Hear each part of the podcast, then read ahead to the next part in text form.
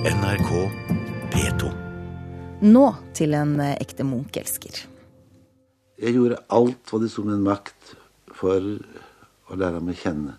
Jeg gjorde alt hva det sto i min makt for at han skulle invitere meg til seg.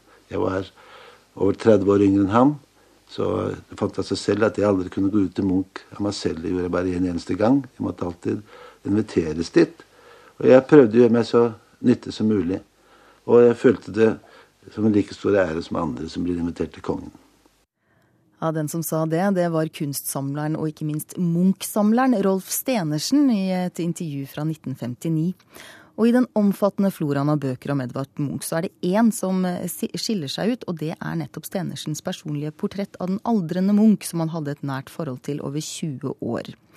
Det mener i hvert fall vår eh, kollega og anmelder Knut Hoem her i NRK. Boka den heter 'Munch nærbilde av et geni', og kom for første gang ut samme ord som Munch døde, nemlig i 1944. Knut Hoem han har plukket boka ut av sin egen bokhylle og lest den en gang til.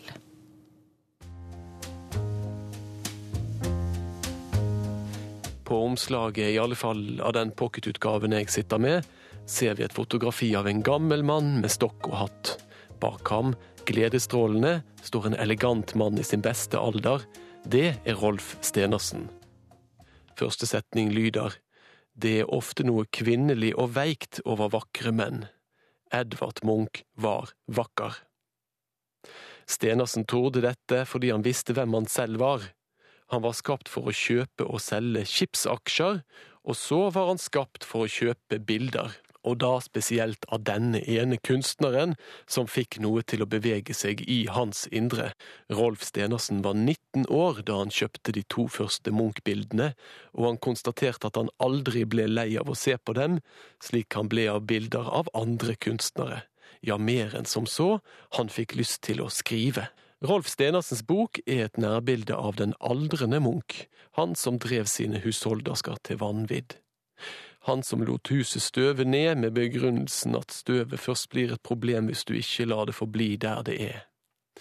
Han som hadde en millionær som løpergutt. Rolf Stenersen, løpergutten, tolker og tolker, han tolker til og med Munchs håndskrift, som han mener er stakkåndet og hogget. Munch splitter ordene, og derfra er det ikke langt til konklusjonen. Munch hadde et splittet sinn. Ja, mer enn som så, seksualdriften er styrende i kunstnerskapet sammen med angsten. Rolf Stenersens tilnærming er et produkt av sin tid, den er psykobiografisk, som Øystein Ustvedt skriver i forordet, men det er jo det som gjør boken så uimotståelig, at den er et produkt av sin tid. Munch tilbringer de siste fire årene av sitt liv i det okkuperte Norge. Aldri langt unna Rolf Stenersen, som nå også har bestemt seg for å skrive om kunstneren. Om Hitler, sier Munch, om vi skal tro Stenersen, og la oss gjøre det. La oss bare bestemme oss for at vi tror på ham. Ifølge Stenersen sa Munch, han er gæren. Han er Hitler. Tenk å slippe løs denne krigen. Han liker visst ikke bildene mine.